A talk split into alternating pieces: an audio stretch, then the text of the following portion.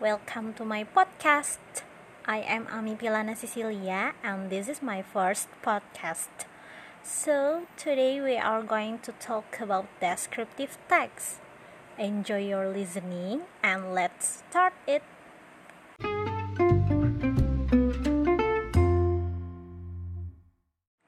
What is descriptive text?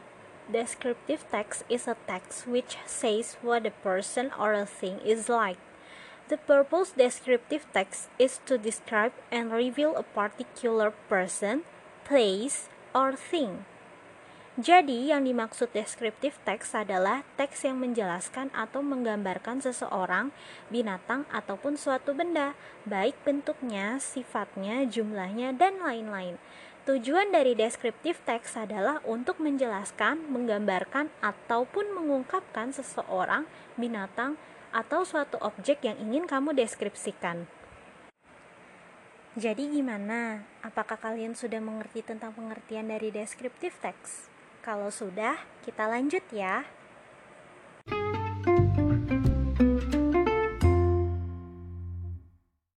Suatu teks mempunyai struktur teks. Dalam bahasa Inggris, struktur teks disebut juga dengan generic structure. So, what is generic structure of descriptive text? First, identification.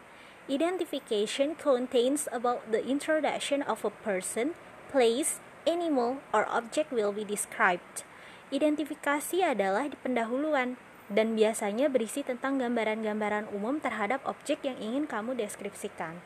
Second, description.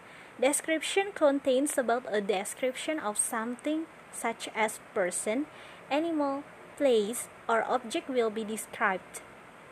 Deskripsi adalah ciri khusus yang dimiliki objek, benda, ataupun orang yang ingin kamu deskripsikan.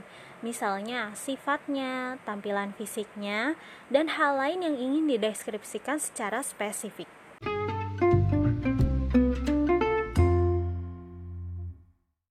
Setelah mengetahui struktur teks, dalam suatu teks ada yang disebut juga dengan unsur kebahasaan, atau dalam bahasa Inggris disebut juga dengan language feature. So, what is language feature of descriptive text? First, specific participant. Descriptive text has a certain object is not common and unique. Jadi di dalam descriptive text hanya mempunyai satu objek tertentu saja yang akan digambarkan. Contohnya, my cat, Borobudur Temple, beach, dan lain-lain. Second, using adjective to clarify the noun. Dalam descriptive text sering kali menggunakan kata sifat untuk memperjelas penggunaan noun. For example, a beautiful beach, a big house, a handsome boy, dan lain-lain. Third, using simple present tense. Kalian mungkin akan bertanya, mengapa dalam descriptive text menggunakan simple present tense?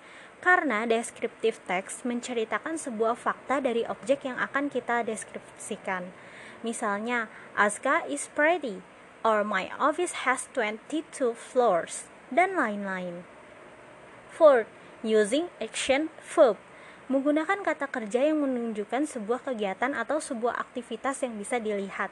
Contohnya sleep, walk, dance, dan lain-lain. Fifth, using figurative language. Biasanya dalam deskriptif teks sering kali menggunakan sebuah bahasa yang figuratif untuk memberikan ilustrasi kepada pembaca. Contohnya, her skin is as white as snow. My love for mom as big as ocean.